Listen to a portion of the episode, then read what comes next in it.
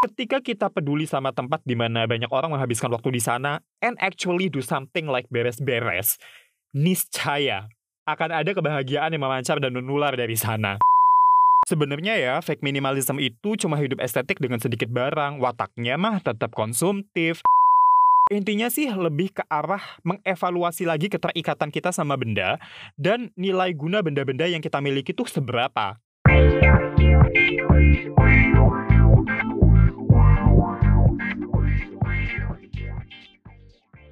Halo, gue Budi dan lo lagi dengerin podcast Review SJW. Sebuah podcast yang bahas isu sosial dan budaya, juga politik dan lingkungan yang ada di film, TV series, dan pop culture lainnya.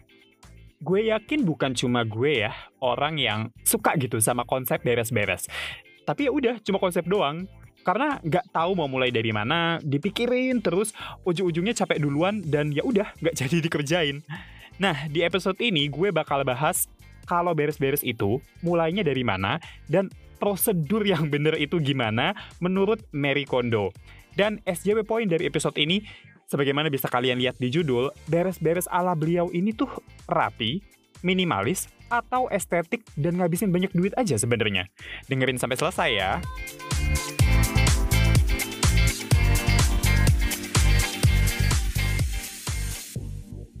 Marie Kondo terkenal dengan bukunya The Life-Changing Magic of Tidying Up, terbitnya tahun 2010. Dari situ dia jadi terkenal banget sebagai masternya beres-beres. Nah, tahun 2019, dia punya reality show di Netflix, judulnya Tidying Up with Marie Kondo. Gue tuh sebenarnya udah dari lama ya, merasa bahwa membereskan urusan kehidupan itu, baiknya dimulai dari membereskan rumah. Tapi baru gue sadari seberapa realnya kalimat itu ketika gue nonton Tidying Up with Marie Kondo ini. Di situ gue bisa melihat jelas bahwa rumah itu harusnya jadi tempat di mana lo bisa beristirahat dalam damai. Well, not that kind of rest in peace ya, meninggal dong. Anyway, ketika rumah lo berantakan, padahal di luar rumah juga hidup lo berantakan, atau sama orang lain yang ada di satu rumah, hubungan kalian juga berantakan, eh terus kok ya masih ada piring kotor numpuk, banyak barang-barang gak dapet space sampai berserakan di lantai, apa nggak makin berantakan coba kepala lo? Sebaliknya, saat rumah rapi banget, bersih banget, rasa-rasanya beban hidup lo tuh angkat dikit dan lo jadi bisa mikir sedikit lebih jernih gitu. Nah, Marikono punya peran di sini, setidaknya buat gue dan banyak orang lain yang baca bukunya, nonton reality show Tidying Up, dan terutama mereka yang jadi klien di acara itu. Beliau tuh nggak cuma sharing metodenya aja ya, nama metodenya KonMari Method by the way, tapi dia juga menyadarkan kita tentang makna beberes dan makna barang-barang yang masih pengen kita simpen dan yang udah pengen kita lepas, entah dibuang atau disumbangin. Mau kayak gimana tempat tinggal kita, mau seberapa banyak barang yang kita punya, inti dari KonMari Method ini tuh kategorisasi barang sih. Jadi ada lima kategori yang beliau buat. Baju, buku, kertas, komono, yang ini dipecah jadi dapur, kamar mandi, garasi, dan barang-barang perintilan. Dan kategori terakhirnya itu sentimental items. Metode beberes semua kategori ini juga hampir sama banget. Misal pakaian nih, semua baju, celana, jas, jaket, shawl, itu pokoknya ditumpuk semua. Semuanya banget ditumpuk jadi satu, biar kita bisa lihat seberapa banyak tepatnya yang kita punya, dan gimana perasaan kita melihat segitu menggunungnya baju-baju yang kita punya. Mostly sih yang gue lihat, kliennya Marie Kondo kaget dan merasa overwhelming banget ya. Gue sendiri juga waktu coba metode itu ngerasain hal yang sama. Nah, terus setelah itu, kita pegang satu-satu, kita coba perhatikan reaksi tubuh kita. Kalau ada rasa-rasa bergejolak, itu bertanda bahwa baju yang lagi kita pegang itu tuh sparks joy dan masih layak kita miliki. Jadi, mengandalkan refleks tubuh aja. Dan ternyata gampang banget loh. Kliennya Mari ada sih yang ragu-ragu sama beberapa baju atau items lainnya. Tapi gak butuh waktu lama juga untuk memutuskan apakah mereka masih mau nyimpen atau ya udah bye. Bahkan ada juga saat-saat di mana kita tuh bakal yang iya kenapa gue nyimpen ini ya? Atau malah ini harusnya nggak gue simpen sih. Jadi gampang banget gitu untuk memutuskan setelah kita pegang satu-satu. Marie Kondo tapi ngajarin kita untuk nggak yang oke okay, bye bitch ke barang-barang kita gitu ya. Justru sebelum kita naruh barang-barang kita ke sisi yang nggak akan dipakai lagi, kita diajarkan untuk bilang terima kasih dulu. Ya itu emang barang sih, tapi barang kan diciptakan oleh tangan-tangan manusia dan menemani manusia juga. Selama beberapa waktu, barang juga membuat kita feel something, you know? Jadi ketika saying goodbye, kita berterima kasih untuk hal-hal itu. Nah, kalau udah dibedain nih, lanjut deh tuh. Yang mau dilepas, diwadahin untuk nanti disumbangin. Yang mau disimpan, ditaruh lagi. Akhirnya jadi lebih gampang karena lemari kita jadi lebih luas dan rak-rak kita jadi banyak space kosong. Mary Kondo juga nyaranin tuh, cara ngelipet baju yang lebih rapi gimana, menata sepatu di rak gimana, enaknya kalau ngurutin barang sesuai warnanya, dan yang paling gue suka, dia juga ngasih tahu kalau nyimpen barang itu sebaiknya ditaruh vertikal, berdiri gitu. Baju dan buku terutama ya. Jadi kita bisa dengan gampang nemuin apa yang lagi kita cari dan gampang juga balikinnya. Posisi vertikal ini juga bisa bikin kita tahu sekali lihat seberapa banyak yang kita punya. Well, mungkin nggak secara jumlah pasti ya, tapi jadi tahulah banyak atau enggaknya. Gue awalnya sempat mikir, beres-beres ala Marie Kondo ini tuh kesannya buat tanda kutip orang kaya doang gitu. Karena mereka kan ternyata punya banyak barang, sampai banyak banget juga yang dibuangin atau disumbangin. Ternyata orang yang gak kaya juga bisa loh beberes ala Marie Kondo Method ini. Karena di reality show tadi yang ini, ternyata kliennya beragam. Ada yang emang tinggalnya di rumah gede, ada yang seorang janda, ada pasangan muda yang baru nikah dan tinggal bareng, keluarga yang tinggal di apartemen sempit, macam-macam lah bahkan gue yang anak kos aja ternyata bisa loh kayak gitu juga. Jadi waktu gue coba nih KonMari Method, ternyata baju yang gue sobangin itu tuh banyak. Buku bahkan sampai tiga kardus penuh. Itu aja masih lebih dari cukup loh barang yang gue keep.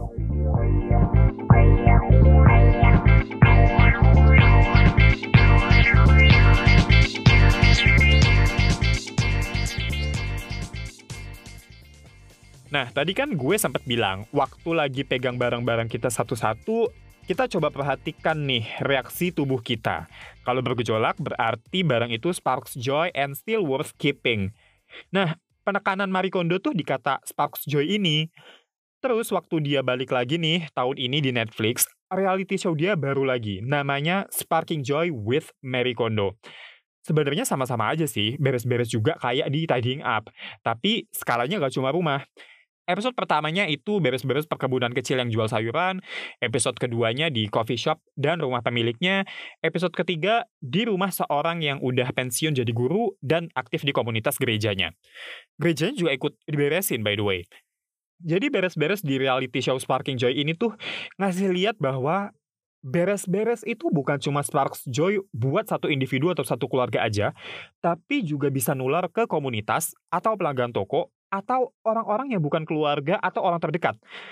Jadi ketika kita peduli sama tempat di mana banyak orang menghabiskan waktu di sana and actually do something like beres-beres, niscaya akan ada kebahagiaan yang memancar dan menular dari sana. Anyway, that's KonMari Method by Marie Kondo. Memilih mana yang mau dilepas, mana yang mau disimpan berdasarkan perasaan. Sebagai hasilnya, ternyata jadi banyak barang yang dilepas dari hidup kita terkesan kayak metode orang minimalis ya. Nah, speaking of minimalism, beberapa hari lalu gue nonton film dokumenter, judulnya The Minimalist Less Is Now. Di situ pendekatannya lebih praktis sih kalau gue bilang. Jadi ada dua metode yang nafsunya pakai. Yang satu, tanda kutip, buang satu barang per bulan. Metode yang satu lagi agak lebih ribet. Jadi dia packing semua barang-barang dia ke kardus, kayak mau pindahan rumah gitu. Terus keluarin aja barang yang mau dia pakai. Kalau ada barang yang nggak keluar kardus setelah tiga bulan, oh ya berarti dia nggak butuh itu. So, time to say goodbye. Jadi penekanannya lebih ke nilai guna. Sempat disinggung juga sih soal benda sentimental. Tapi sempat ada juga cerita dari Josh Field, ada nih barang yang berharga banget buat dia, tapi seingat dia, barang itu tuh terakhir dia lihat bahkan udah tiga tahun lalu. Kalau nggak salah barangnya itu foto ya. Nah, dia jadi mikir kan, yang berharga tuh fotonya atau kenangannya sebenarnya. Dokumenter The Minimalist ini jadi mengkritisi juga bagaimana manusia itu melekatkan perasaan mereka pada benda, padahal mostly benda-benda itu nggak diperlukan di hidup kita. Akhirnya mereka yang tadinya miskin lalu punya banyak duit, jadi merasa punya barang kok malah makin stres. As it turns out, itu karena mereka punya banyak barang yang salah. Manusia itu sebenarnya nggak butuh barang sebanyak itu.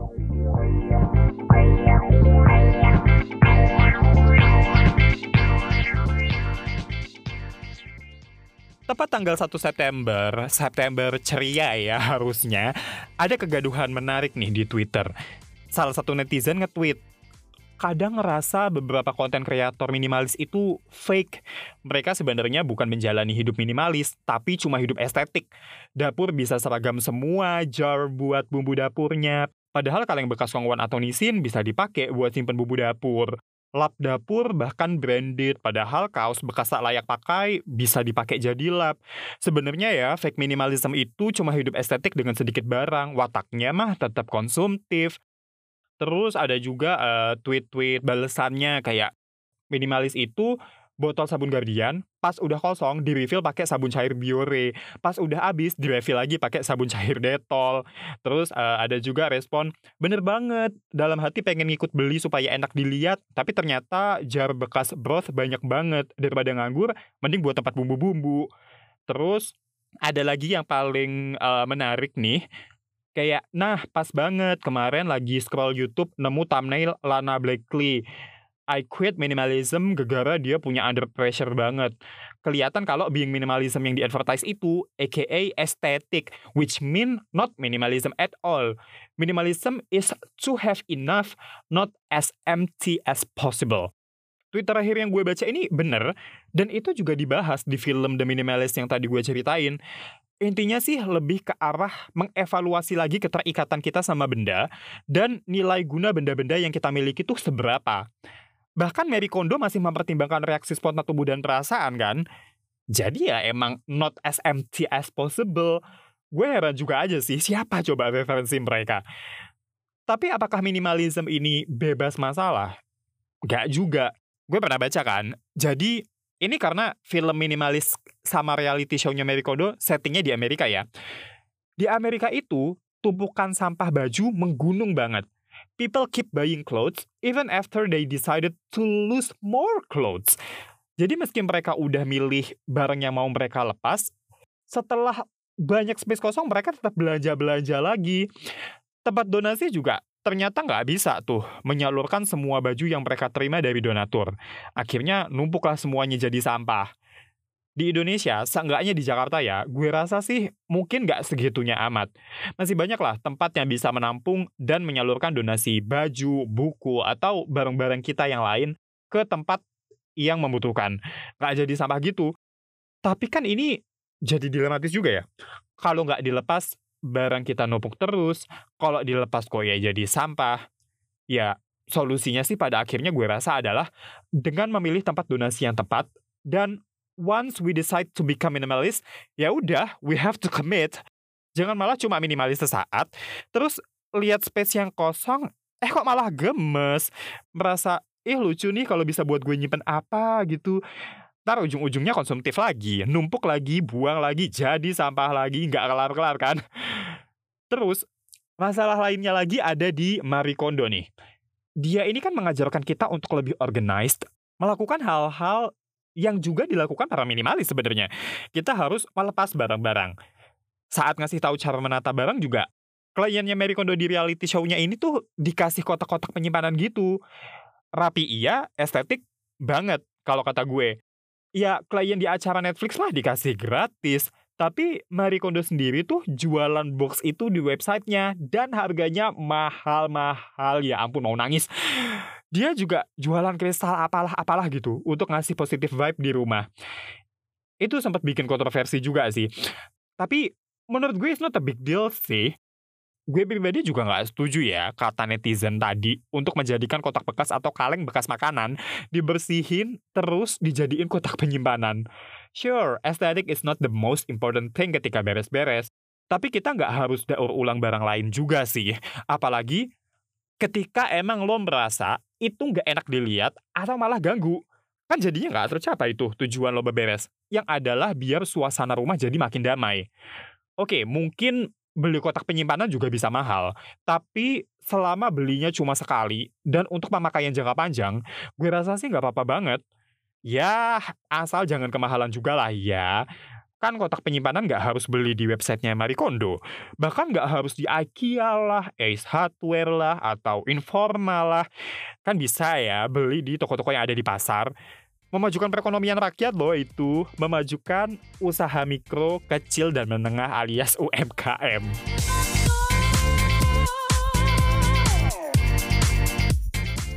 Oke, demikian review SJW kali ini. Semoga lo jadi tergerak untuk nonton Tidying Up with Marie Kondo, Sparking Joy with Marie Kondo, dan The Minimalist, Less is Now.